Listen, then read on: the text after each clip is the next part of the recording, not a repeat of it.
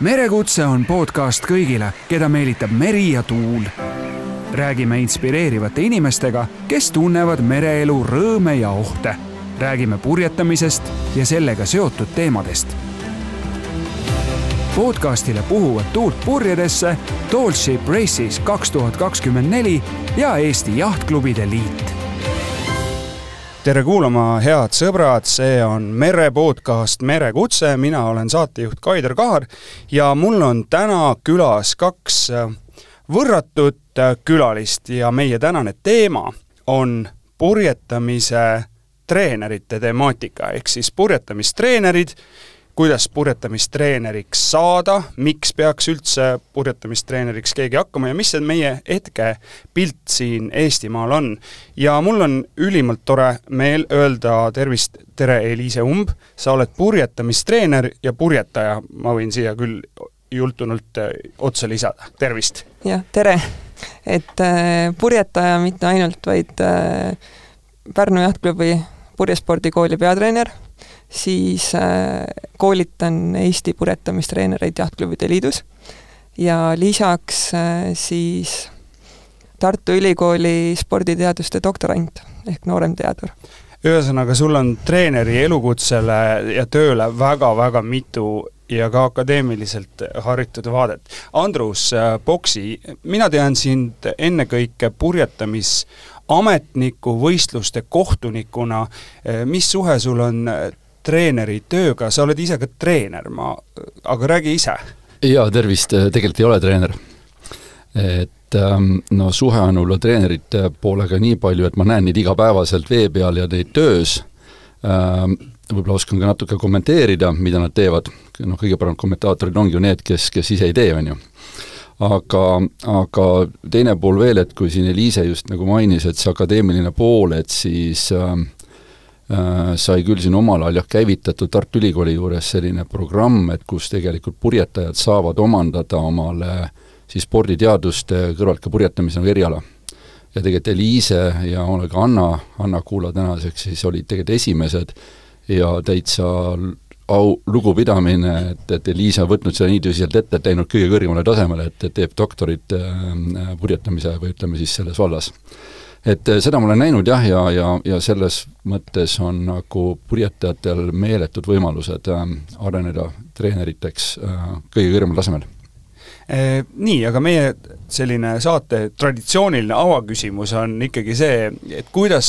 teie sattusite esimest korda mere äärde lainete vahele valge purje alla, Eliise? mina sattusin esimest korda täiesti purjetama hoopis Kihnu saarel kuna mul isa on Kihnust pärit ja ise ka enda lapsepõlv on seal veedetud, siis äh, isa tegeles purjetamisega oma hobi korras, et äh, siis said ka esimesed sammud seal tehtud ja hiljem Pärnus jätkatud. no ma kujutan ette, see oli mingi hülgepüügipaat, millega te purjetasid siis või? ei, see oli täiesti optimist eh, Andrus, kuidas sul oli? No minul oli kak-, kahte moodi, et esiteks ma täpselt ei mäletagi, kuidas see merega kokkupuude oli, aga purjetamise ja veega kokkupuude oli küll selline, et, et otsene seos ja, ja nagu see input tuli olümpiamängudelt äh, tuhat üheksasada kaheksakümmend. et kaheteistaastane tol ajal ja mõtlesin, see on ju lahe värk ja kuna ma olin Tartust pärit, Tartus elasin, siis oli niisugune koht olemas nagu äh, pioneeride maja ja seal oli noorte meremeeste ring, mis tegelikult tegeles purjetamisega ja, ja, ja tegelikult minu see esimene kokkupuude purjetamisega oligi Ropka järvel. Äh,, optimist. Äh,, ja, ja ma mäletan väga selgelt, kui me sinna kahekesi paati istusime, sest noh, kogenum oli ju minuga kaasas, eks ole, ja siis ma vaatasin optimisti mõtlesin, et vau, et see on nagu nii suur laev, et mina küll üksinda sellisega hakkama ei saa ja, ja noh, Ropka järv, äh, oli meeletult suur veekogu minu jaoks tollel hetkel, et täna ma ei tea, kas ta on juba kokku kuivanud või mis seal tegelikult toimub, et seal purjetada kindlasti enam vist ei saa tänases mõistes, aga see oli, see oli nii-öelda siis see väike iva, mis, mis hakkas kasvama. No mõlemad on väga kenad lood ja teid siis ühil-, on ühendamas üks paadiklass, ma kujutan ette, Andrus, sa oled väga pika kasvu mees, sa ei mahuks täna vist optimisti äragi enam no ma mahun sinna kuidagi ära, aga purjetada, purjetada küll väga normaalselt vist ei saa, jah. nii, aga teeme pildi selgeks, milline on Eestis purjetamistreenerite olukord, kui palju neid inimesi on, kes igapäevaselt sellega umbes tegelevad, et noh, mina ise olen purjeta-, purjetaja lapsevanem, ma olen käinud võistlustel selles Eesti karussellis, ma olen näinud neid ühtesi nägusid, neid äh, vahvaid äh, entusiastlikke mehi ja naisi Saaremaalt, äh, Narvast, Pärnust äh,, Toilast, äh, Piritalt, Kakumäelt, et, et kui suur see ring on ja mis nende selline profiil on? Eestis on meil hetkel ligikaudu viiskümmend kutsega purjetamistreenerit. et alates abitreenerist kuni täitsa meistertreeneriteni, eliittreeneriteni välja. aga kõik nad igapäevaselt treeninguid läbi ei vii ja lisaks on meil päris palju ka selliseid treenereid, äh, kellel siis veel ei ole kutset. kuidas see loogika üldse on, sa ütlesid juba, et meistertreener ja treener, kes treenib, aga kellel ei ole kutset, et milline see niisugune gradatsioon on või, või need astmed? Eesti spordis tegelikult on väga ühtne süsteem, et äh, on äh, tasemed kolmandast tasemest kuni kaheksandani, alustab, äh, kolmas tase on abitreener, edasi on noortetreener, siis on tavaline treener, vanem treener, meistertreener ja eliittreener. et äh, kes kui palju pingutab ja millised soovid on. ja lisaks ühest hetkest mingist tasemest kõrgemale ei saa enam minna, kui sul ei ole akadeemilist tausta spordialal. nii et aga kui kõrgele saab siis astuda nii, et sul ei ole ülikooli diplomit? Ilma ülikooli diplomita peaks praegusel päeval saama kuuenda tasemeni. kuidas meil see seis on, et kui, kui me vaatame neid noh, neid jaotusi niimoodi enam-vähem, et kui akadeemilised meie need purjetamise treenerid on, Andrus, sa oskad äkki kommenteerida? no vot jah, ega väga täpselt ei oska, kuna ütleme ikkagi siin Eesti treeneritega vahetult nagu kokku väga ei puutu, ütleme niisugune mm, siis ütleme tööväliselt. et, et aga aga mis ma arvan, on see, et et siin on nagu kaks suunda, et ühed ongi sellised, kes tõesti taotlevadki ja püüdlevadki sinna tippude tippu. ja, ja teine pool on see, et, et, et teha lihtsalt mingil tasemel, et ei, ei olegi eesmärk saada sinna kõige, kõige tippu, mis on ka väga tänuväärne tegelikult. et ütleme just see niime-, nimetatud rohujuure tasemel äh, seda treenimist teha ja mis ma olen tegelikult täheldanud, kuna ma iga-aastaselt viin läbi neid äh, reeglite ja, ja kohtunike nagu seminare, siis äh, ma iga aasta nagu näen, et, et järjest rohkem tuleb sinna osalema niinimetatud lapsevanemaid, kes on huvitatud teemast ja ma olen näinud ka, et mõned lapsevanemad on püüdlenud juba nagu see esimeste astmete treenerite kutsete poole, nii et tegelikult see eks see sealt samamoodi huvi, huvi algab ja täna võib-olla raske öeldagi, kes nendest võib-olla kunagi ka üritavad kõrgemale veel, veel minna, nii et, et äh, jah, niisugune väga, väga lai, lai valdkond neid eesmärke võib-olla ja treenereid täna, kes täna toimetavad Eestis, jah et mina, ma olen ka kokku puutunud nii nende treeneritega, kellel on selline akadeemiline taust nagu sul, Eliise, ja ka nendega, kes on siis neid, päris neid esimesi samme tegemas, et, et kui ma mõtlen selle purjetreeningu peale, mis algab siis see päris esimene, et me võtame selle optimisti, me paneme talle külge soodid, veame otsad, paneme üldse selle konfi siis nagu paika, et siis tegelikult seal ma tahan näha treenerilt äh, nakat-, tõttu, et ta suudaks nakatada merepiisikuga neid äh, noori lapsi, et ma tahan, et ta oleks niisugune tore inimene,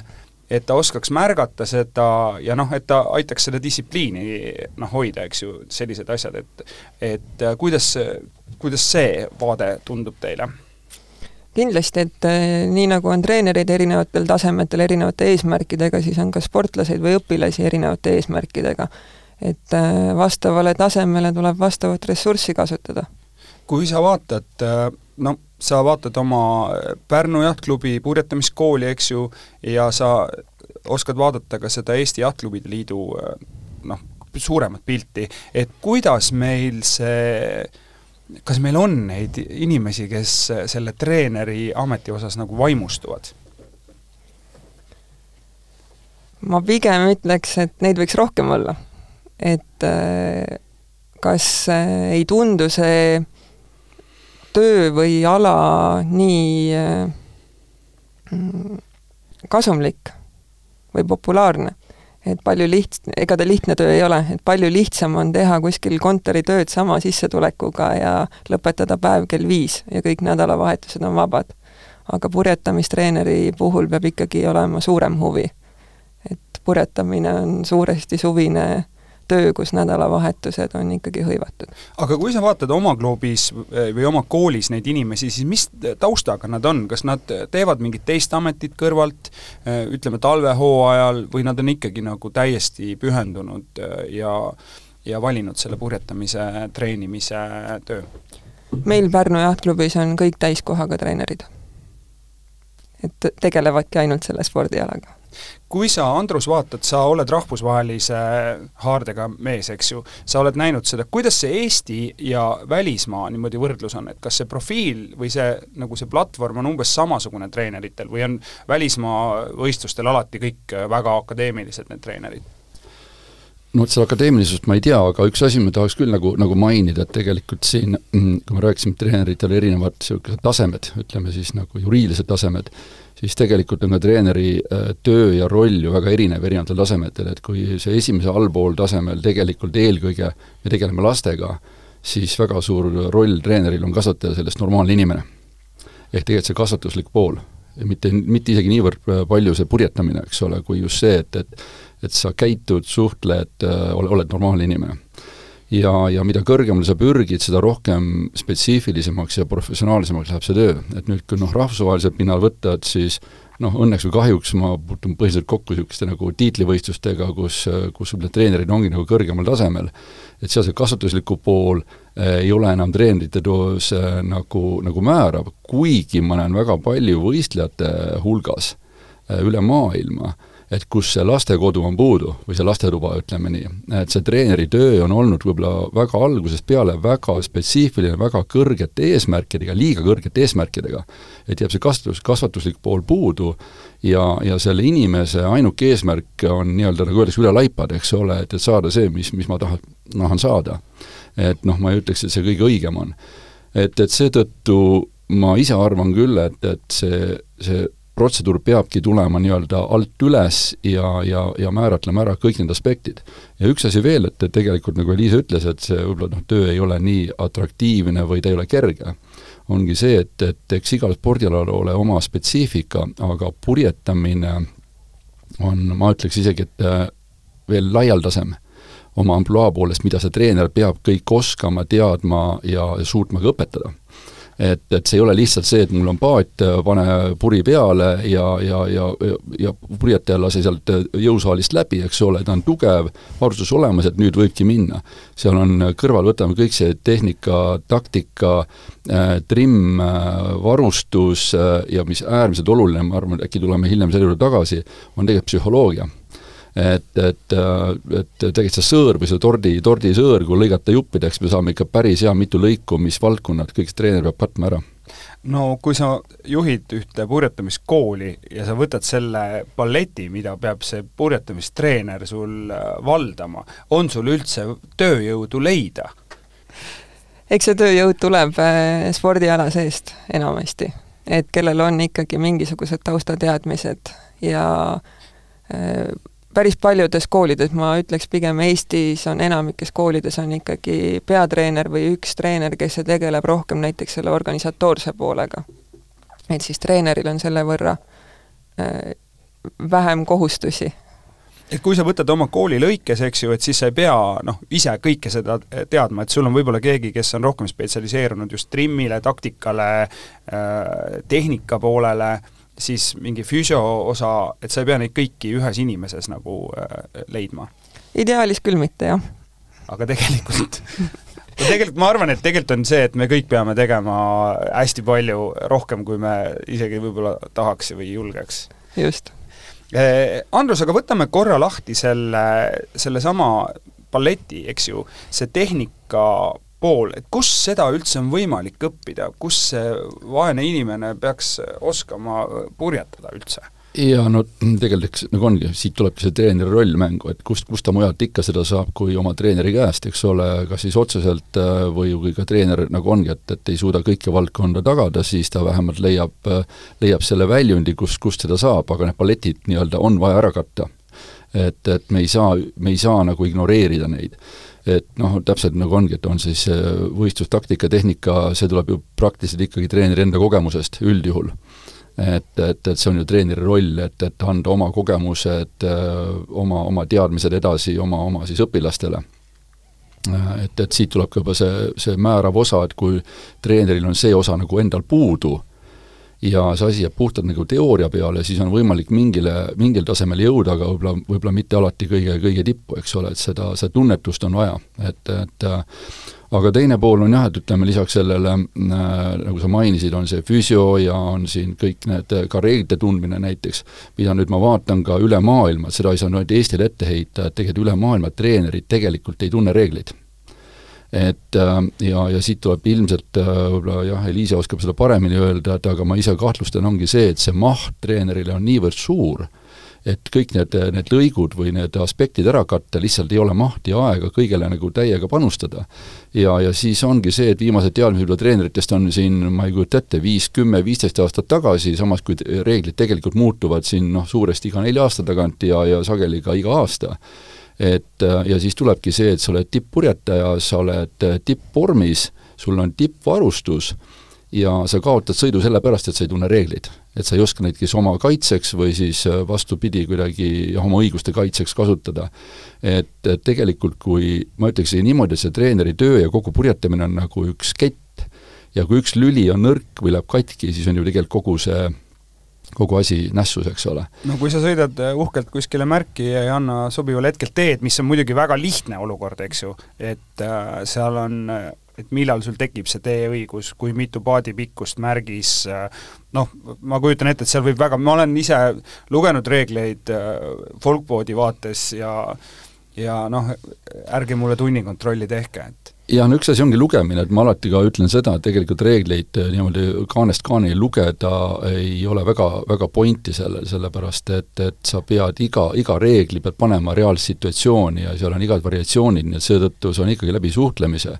Ja kui siin nagu mainida just seda, et jällegi võrreldes, et noh, siin meie omad või teiste riikide omad, tegelikult ega meil ei ole midagi häbeneda, et meil on ikka väga head treenerid ja, ja väga hea tase, ainuke, mis on see, et et äh, jällegi võib-olla ma eksin, sest ma ei, igapäevaselt kokku ei puutu, et kui palju suheldakse omavahel, ma pean silmas seda, et treenerid teiste riikide treeneritega,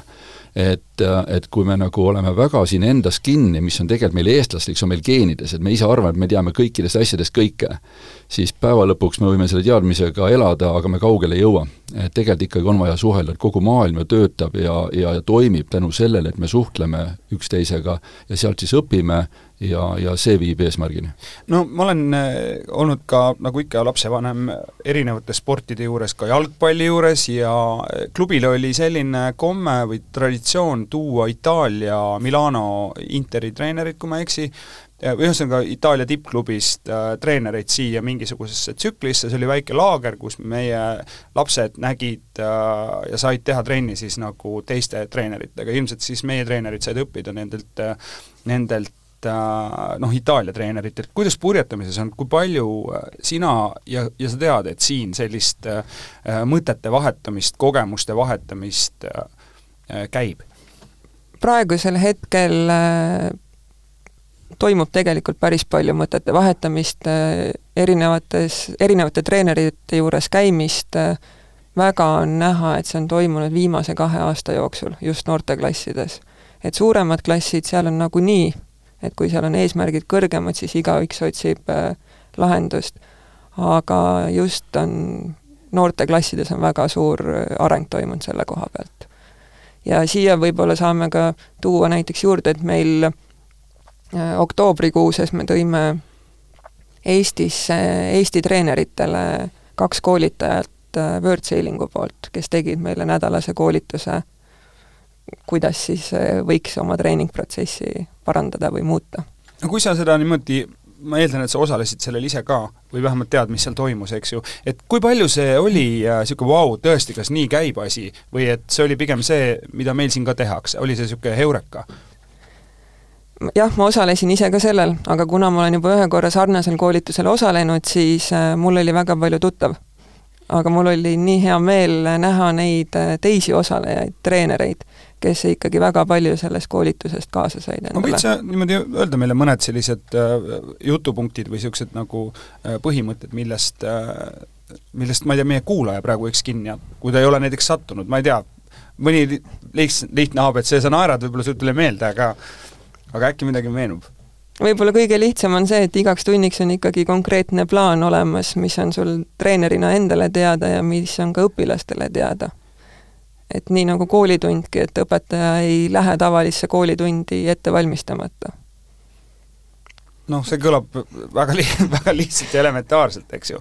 et äh, soovid sa, Andrus, midagi lisada siia? jaa, et, et täpselt ma arvan, ma arvan, see, mida Eliise praegu ütles, ongi, ongi nagu õige, et, et et sageli võib-olla minnakse lihtsalt see, et noh, vaatame, mis siis täna, kuidas tuju on ja noh, kuidas ilm on, eks ole, sõltuvalt ilmast, mis teha saab, aga tegelikult see võib-olla suures pildis ikkagi jah, ongi, et nagu me rääkisime stordilõigust, eks ole, et kas kõik need lõigud on ikkagi kaetud, ma mõtlen siis aasta ringi et, ähm, et äh, ja need peavad ikka regulaarselt nagu toimuma, need asjad, eks ole, nii et tegelikult see maht on suur, koormus on suur nii treenerile kui ka tegelikult purjetajatele, ja seetõttu ma arvan, see plaan iseenesest on tõesti nagu niisugune kõige alus, et, et isegi võib-olla tundub nagu, nagu arusaamatu, et kas tõesti saab töötada ilma, ilma plaanita et aga võib-olla üks asi, mis ma tahaks küll jah, võib-olla mainida, aga ma ei tea, kas see on õige hetk, aga aga ikka on, et äh, just see treenerite pool, mida ma ise olen näinud nüüd nagu pikki-pikki aastaid, eks ole, kus ma olen nüüd erinenud kas siis kohtunikupaadist või ka võistluste korraldajate poole pealt näinud äh, äh, seda meie, meie purjetamist, Eesti purjetamist siis maailmas, ja, ja ka, ka muude maade purjetajad, et ähm, et meil on üks hästi, hästi tugev nagu nüanss puudu et veel kord, kui me räägime, et, et meie eesmärk on saada parim varustus ja ja käia väga regulaarselt äh,, teha seda füüsilist trenni ja meil on füsio olemas, kui me oleme tublid, eks ole, või ütleme, tublid selles mõttes, meil on võimalusi seda, et tippvõistlustel mul on oma füsio kaasas, aga mis jääb täiesti tähelepanuta minu meelest, on psühholoogia. Ja, ja, ja, ja ma ütlen, see ei ole ainult Eesti probleem, see on ka suurem probleem, et, et treenerid või ütleme ka noh, ei, ei võimaldata või pöörata tähelepanu, et psühholoog on oluline samas ma toon nüüd äh, ühe näite, mida kõik küll teavad, aga natuke mõtleks selle peale, et kui purjetamine on erinev spordiala näiteks äh, saja meetri jooksust, saja meetri jooksus, eks ole, ma fokusseerin, ma keskendun täielikult oma sellele kümnele, viieteist sekundisele jooksule, eks ole, sooritus on tehtud ja, ja kõik. siis purjetamine tegelikult, võistlus äh, ise on nädal aega, no ütleme viis kuni kuus päeva päevas sa teed, ütleme, kaks, äh, üks kuni kolm võistlussõitu, iga võistlussõit on keskeltläbi üks tund, ütleme niimoodi, et sa veedad vee peal circa seal neli kuni viis tundi ja sa teed seda viis kuni kuus päeva järjest. ja kogu selle aja peab sinu see nii-öelda kompuuter siin kupli all, peab kogu aeg töötama, peab kogu aeg tegema otsuseid. siis puht inimlikult see ei ole võimalik et sa teed kõik need viis päeva, viis tundi päevas, sa teed kogu aeg neid õigeid otsuseid, sõltuvalt asjaolude muutusest, tuul muutub, äh, jälgin konkurente, äh, jälgin oma, ma ei tea, mingi punktiskaalat, keda ma pean jälgima, keda ma ei pea jälgima, see on nii palju aspekte sealjuures. et nüüd me kujutame ette, et me saame nagu ilma välise abita hakkama et kui me, meil on füsiot vaja, sest meie lihased ei saa ise hakkama, eks ole, meie taastumine läheb muidu pikemaks, äh, meil on vaja parimat varustust, sest kehva varustusega me ei saa sõidetud, ja nii edasi, nii edasi, aga samas me ei mõtle selle peale, et see inimolend seal, kes peab tegema pidevalt otsuseid, see purjetamine on pidev otsuste tegemine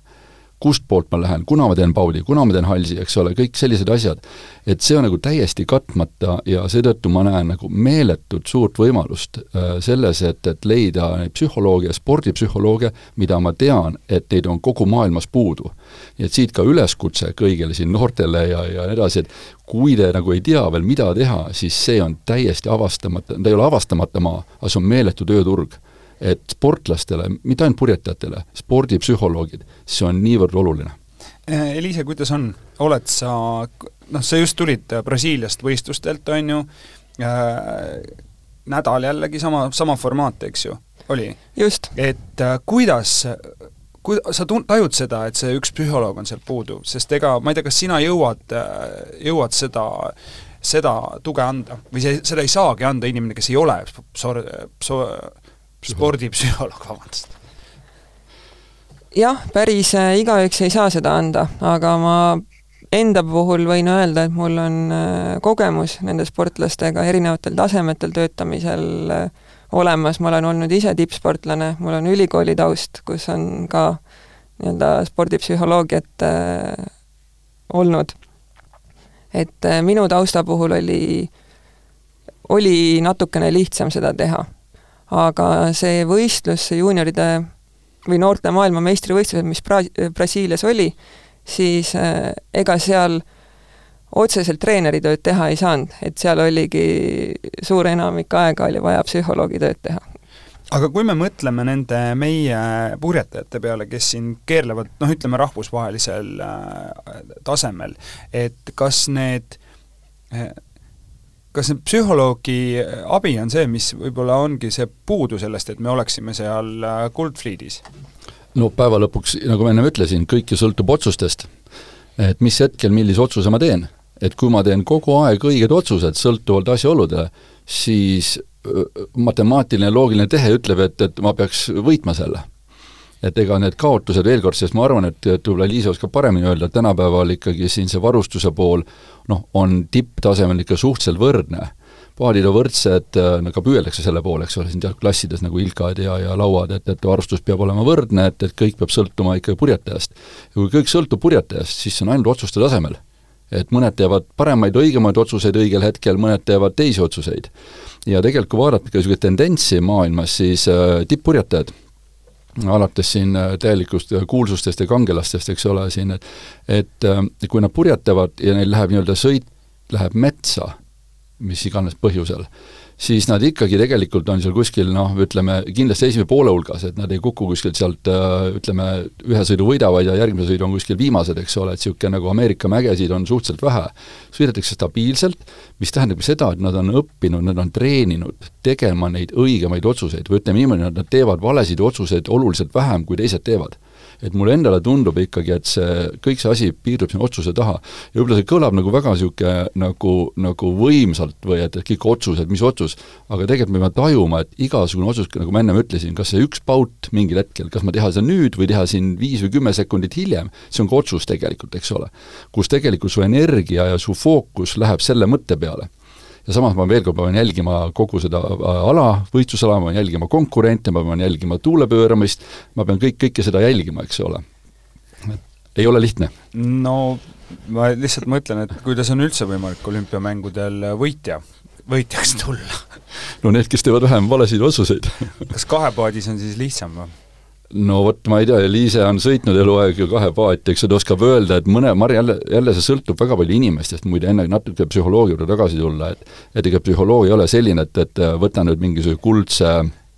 tõekspidamise või, või mingi lause öelda, et see nüüd töötab kõigile. et psühholoogia ongi see, et see on individuaalne, igal inimesel, kellele vaja rohkem piitsa, kellele vaja rohkem präänikut, ütleme nii-öelda, eks ole. ja nüüd, kui me räägime kahepaadist, et noh, ma ei tea, eks Eliise oskab ise kommenteerida, et mõnel, mõnel puhul töötab see kahepaadi asi väga hästi ja mõnel puhul läheb rohkem nagu juttu igasuguste seriaalide ja muude asjade peale, et aga kuidas on? Äh, sportlasena ise äh, kahepaati sõites minul oli lihtsam Äh, sest me olime õega ühes paadis. ja õega ikkagi, kui tülli mind, kui tülli sai mindud, siis see tüli vaibus minuti-kahe pärast, et sellega, see oli unustatud selleks ajaks. aga oma õpilaste pealt ma näen, et äh, kui on erinevad perelapsed ühes paadis, siis äh, peab ikka väga hästi sobima. et sellepärast enne tippsporti minekut mina äh, olen enda õpilastel äh, lasknudki lihtsalt ise valida, kellega nad äh, noorteklassides tahavad äh, koos sõita, et seal ei pea üldse pikka nii-öelda projekti tegema, et võibki olla üheaastane selline katseaeg, et aasta jooksul nad elavad üle kõik tõusud, mõõnad, kaklused, seriaalidest rääkimised, et elavad kõik üle ja siis on näha, et kas selle projektiga on mõtet edasi minna või mitte minna. No see kõlab äh, ka üks teeots. ja siin on üks, tuleb meelde üks äh, tore, tore vahe, vaheseik nagu siin kahe paadi purjetamisest, et oli nelja-seitsmekümnete see, mida Eliise purjetas mu aega. et äh, oli siin üks maailmameistrivõistlused ja ühe otsustava sõidu äh, finišis äh, me nägime no kohtunikena vee peal, et soodimees lihtsalt, nagu öeldakse, annab roolimehele lõuga füüsiliselt ja, ja noh, pealtvaatajad seal ka lähedal, nii vähe või palju, kui neid seal oli ja, ja kõik ümberringi ja noh, see on täiesti nagu lubamatu, eks ole, nii et alustati seal see reegel kuuskümmend üheksa, mis on väärkäitumise protseduuri, tulevad siis need kaks äh, kodanikku nagu ruumi, eks ole, ja kõik see nagu avaldused, jah, et näed, et üks siin füüsiliselt väärkohtles teist, eks ole, ja ja, ja, ja siis nad ütlevad jaa, et aga see on suht normaalselt, me oleme, me oleme vennad, noh, et me oleme kaksikvennad. et see on meil kodus nagu suhteliselt, suhteliselt tavaline, et, et kui, et, et niimoodi saab asju lahendatud. nii et noh, jällegi, et, et kus, kus nagu paadis toimub väga, väga niisugune täpne ja teaduslik nagu tööjaotus, eks, kes vastutab mille eest ja, ja, ja, ja mõtlemine ja suhtlus käib professionaalsel tasemel, ja teisel puhul käib siis nii, nii nagu tavaliselt kodus käib nii, aga korra vaatame veel sellele Eesti pildile otsa, et kas meil jagub purjetamistreenereid üle Eesti niimoodi enam-vähem võrdselt või on mingid piirkonnad, mis on äh, vaeslapse osas ja kuidas, äh, ma ei tea, me saame neid piirkondi toetada? et kas meil on iga selle klubi juures olemas niisugune kriitiline mass neid treenereid või, või kuidas, ma ei tea, Jahtklubide Liidu poolt saaks seda kõike nagu, nagu toetada või noh, meie oma sõnaga võib-olla inspireerida kedagi? Kindlasti meil ei ole seda kriitilist massi igal pool. et äh, ma arvan, et Tallinnas, see paistab välja ka, et äh, Tallinna piirkonnas, kuna ka siin on ülikool ja siin on meri olemas, et äh, siin on natukene lihtsam leida treenerit. kui kõik ülejäänud piirkonnad, mis on väljaspool. sest äh, paratamatult, kui noored lõpetavad äh, keskkooli, ja lähevad ülikooli, siis äh, Eestis kas nad lähevad Tartusse või Tallinnasse. ja kas nad tagasi oma kodukohta lähevad, on teine küsimus. aga kui paljud treenerid on äh, noh, liikvel või kui palju õpilased liiguvad, et noh, meil on mingid keskused, on ju, Pärnu, äh, Saaremaa, Haapsalu, et kas need treeninggrupid võtavad ka ütleme, et kui mul on keegi andekas laps, ma ei tea, kuskil Saadjärvel toimetab, eks ju, aga tal ei ole seal kellegiga võidusõite alustuseks või siis ei ole seal treenerit, et kas meil on olemas see niisugune tava, et nad saavad käia nendes noh, suuremates paikades äh, treenis? pigem ikka on, et äh, olen isegi teinud koostööd erinevate õpilastega, on paljud tulnud Pärnusse, Pärnu õpilasi on käinud teistes klubides äh,, samamoodi Tallinna omad et vaadatakse, kus kõigil mugavam on ja kus on, kellel on eesmärgid äh, kõrgemad, siis otsitakse tugevamat konkurentsi. et pigem treenerite vaheline koostöö Eestis on äh, läinud kõvasti paremaks. nii et kui sul on, äh, ma ei tea, noh, ega treeneri vaates on ka, et kui sul on keegi, kes on tugev, tal ei ole oma grupis võib-olla kellegiga võidu sõita, siis sa tegelikult pead otsima talle selle treeningpartneri, et ta saaks areneda, on see nii? just et üksi on päris keeruline jõuda kõrgemate eesmärkideni. no ja mingil hetkel jääb Eesti väikseks, eks ju, siis tuleb äh, sõita äh, Kardale või Brasiiliasse või ma ei tea, mis need purjetamismeekad on praegu sellisel talvisel hooajal. just, ja välja minnes on ka mõistlik ikkagi ühildada kellegagi koos minekut, et äh, kulud saab juba väiksemaks ja ikkagi ka treeningpartnerit on vaja. nii, aga teeme nüüd asja siis kohe nagu puust ja punaseks, et meil on siin kaks spetsialisti, mina olen see, kes küsib, kuidas ma saan treeneriks, kuidas see asi käima hakkab, ütleme, et mul on nagu huvi olemas. olen ise purjetanud äh, mõõdukalt, tean, mis on paut ja mis on hass. kuidas meil Eestis treeneriks õppimine käib? meil Eestis on äh, kaks varianti. üks variant on minna ülikooli, mida ma kindlasti soovitan, eriti kui töötatakse noortega. et noortel on ikkagi rohkem vaja teadmisi kui nii-öelda erialaseid äh, klassispetsiifilisi teadmisi. ja ülikooli maht on kordades suurem ja info edastamine on äh, mahukam. ja teine variant on äh, treenerikoolitused, mida iga talv saab siis teha. et on vaja mõned nädalavahetused läbida koolitust, sooritada eksam ja saabki paberi kätte. no aga võtame lahti sellesama treenerikoolituse, ma ei tea, oled sa ise nendega kokku puutunud, oled sa koolitanud kedagi, tead sa natukene sellest taustast? jaa, ma koolitan treenereid. aga räägi, mis toimub, no tulen, ma, ma kujutan ette, et ma peaaegu kvalifitseerun, mis, mis mul oleks vaja selleks, et sinna üldse jõuda? selleks, et üldse jõuda tegelikult purjetamises ei olegi mitte midagi muud vaja, kui läbida üldainete koolitused, mis on kokku suuresti kaks nädalavahetust nii Tallinna Ülikool kui Tartu Ülikool seda korraldavad ja see on kõikidel spordialadel äh, sama koolitus. ja lisaks on siis erialakoolitus, äh, mis siis on meil purjetamise koolitus ja ka talveperioodil neli pikka tööpäeva ja nädalane praktika purjetamistreeneri juures. ja kui need on tehtud, siis saab eksamile kvalifitseeruda ja läbida eksami, esmaabikoolitus on ka vajalik veel teen selle ära ja siis äh, saan tulla, Andrus, soovid sa lisada siia? jaa, ma arvan, et on kolmas, kolmas äh, variant veel. nii? et praegu ma saan aru, selle, selle vestluse käigus on nagu see, et, et lihtsalt otsustan ühel päeval, et ärkan üles, et ah, ma võiks nagu purjetamistreeniks saada, et mis ma tegema pean. aga kolmas suund on see, et äh, purjetaja ise jätkab treenerina. et, et see on nagu võib-olla kõige loogilisem, kõige tulemuslikum, kõige professionaalsem äh, äh, algatus et, et pigem võib-olla jah, siin on pigem üleskutse või ka niisugune noh, jah, tead, tead, kuidas me ütleme, teadavõtmine et tänastele Eesti purjetajatele, kes siin ükskõik kui vanad nad on ühel hetkel, et mida nad plaanivad elus edasi teha, eks ole, et, et kas jääda purjetamise juurde või, või, või mitte ja kui jääda purjetamise juurde, siis ma näen, et ainu, ainumõistlik võimalus on see, et, et minna ikkagi ülikooli ja, ja lõpetada ülikool ja, ja saada see akadeemiline taust, nii et sul on ka tulevikus võimalik taotleda seda kõige kõrgemaid äh, tasemeid et, et, et see on võib-olla see, see suund, mida nüüd võib-olla tänased treenerid, klubi juhid äh, Äh, peaksid võib-olla siis äh, välja nii-öelda tuvastama ja selekteerima äh, lastega rääkides, et kellel millised eesmärgid on. Ja kui see eesmärk on ikkagi purjetada kaua ja kõrgele, siis tegelikult see treeneri amet selle kõrvalt on, on ainumõistlik, sest tegelikult ka saab purjetamist jätkata ka väga edukalt, olles ise treener ja kohati isegi see treeneri töö aitab seda, seda purjetajat purjetada Äh, siis ta näeb hoopis uusi aspekte, mille peale varem ei, ei mõelnudki, ei pidanudki mõtlema. ja, ja tegelikult teine pool on veel see, et, et äh, kui ma nüüd lähen ülikooli, siis tegelikult äh, ma saan jätkata purjetamist, ka tipp-purjetamist et väga suur tegelikult kaotus purjetamises äh,,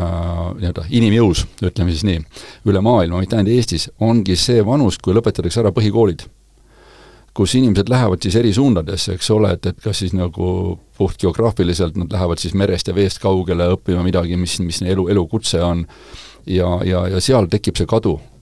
või siis teistpidi on see, et, et kes nagu äh, tahavad siiski jätkata, äh, et siis tänased ülikoolid, eks ole, eriti siin Tartu Ülikool, millega nagu väga lähedalt seotud olnud, et on ju täiesti olemas programm purjetajatele, selles mõttes, et purjetaja saab minna Tartu Ülikooli, õppida seal sporditeadust, saada ka siis purjetamise eriala ja ta saab selle ülikooli õppimise kõrvalt väga edukalt jätkata tipp-purjetamist. et see on see, mida ülikoolid tegelikult võimaldavad et see, et, et jah, me, me, sa pead küll läbima selle kooliprogrammi, paindlikult, eks ole,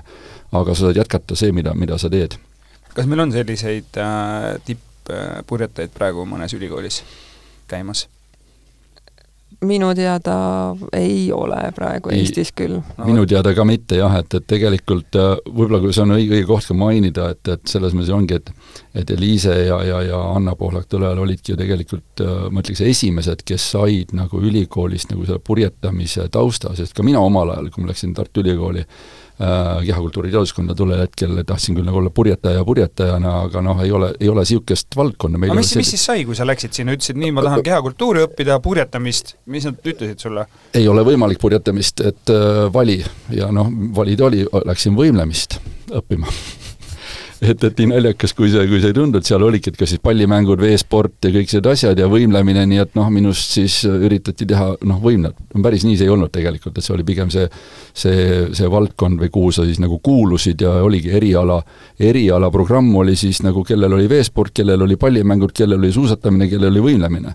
et see on nagu see pool ja, ja, ja tegelikult ongi ülikoolil, noh, Tartul on olemas nüüd see nii-öelda purjetamise programm, et kui nüüd tänapäeval ikkagi ju tänasel hetkel otsustab keegi minna ülikooli õppima sporditeadust äh, purjetajana, siis tegelikult ta saab sealt ikkagi purjetaja eriala. Äh,. ta ei pea õppima midagi, mingit muud spordiala, kui ta just ise ei taha seda. Nii et, et üleskutse on absoluutselt, et kui te tahate purjetada ja te tahate saada hariduse, et ma arvan, seda kõik tahavad ja keegi ütleb ei taha, siis, siis, siis mõelge uuesti.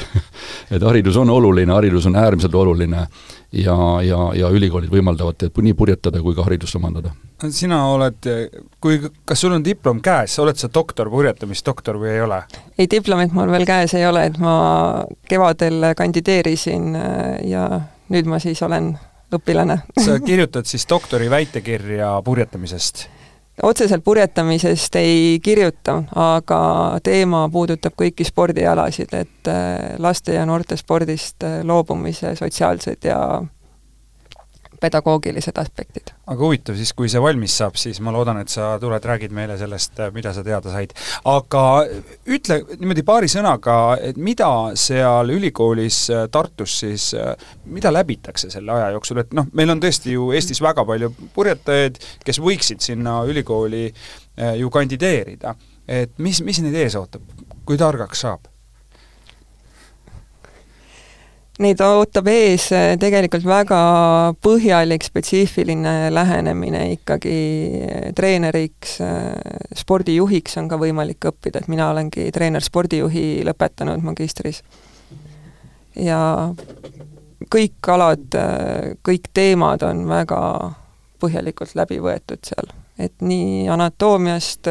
füsioloogiast alates äh, lõpetades siis ka näiteks kehalise kasvatuse, kokkuvõttes ei ole vahet, kas on kehalise kasvatuse tund või treeningtund, et tunni läbi and-, läbiviimiseni äh, erinevad äh, harjutusvarad, jõusaali pool, toitumine, et kõike, kõike saab. et mina küll seal läbisin esialgu talispordi eriala ja siis õnnestus purjetamine sinna juurde saada, et mina ise lisaks sellele, et ma suvel purjetan, ma talvel suusatan hea meelega, nii et minu arust need sobivad omavahel kombineerituna ka. ei no mida, mida rohkem, seda parem, selles mõttes, et noh, mingi fookus peab, mingi, mingi asi peab olema see prioriteetne, eks ole et, ähm, et jaa, võib-olla siin nagu no mainida, kui Eliise ütles, et, et mis seal vahe on, et, et tegelikult nagu me kuulsime eelnevalt, et et võimalik, et treeneriks saada, läbides siis need põhiained kahe nädalavahetusega või teine asi, et sa läbid need ained siin kolme aasta jooksul bakalaureusega, eks ole, et, et see pigem ongi küsimus mahus, detailsuses äh, ja, ja ka ütleme siis nagu professionaalsus selle koha pealt, noh, teades jällegi Tartu Ülikooli seda tausta, et kus on olemas need äh, labor, laborid, eks ole, kus on võimalik teha neid füüsilisi katseid, eks ole, ja, ja teste ja nii-öelda kogu see teooria ka nagu praktikas läbi teha, et, et see, see lihtsalt see teadmiste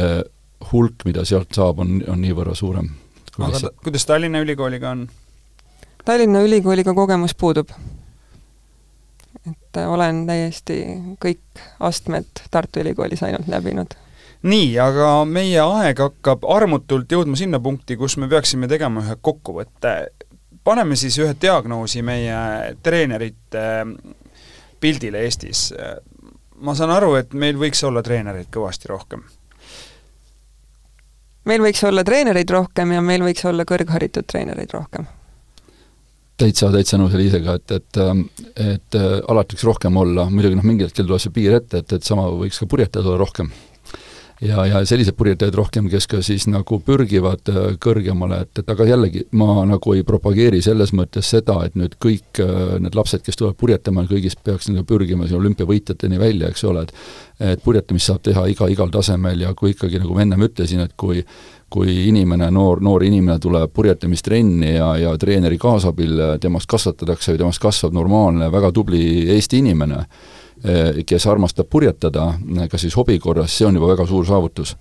aga tõesti need, kes nüüd, eh, kes nüüd üritavad ka kõrgemale minna, et nendel peab see võimalus olema, eh, seda võimalust saab luua ainult kogenud ja haritud treeneri kõrval.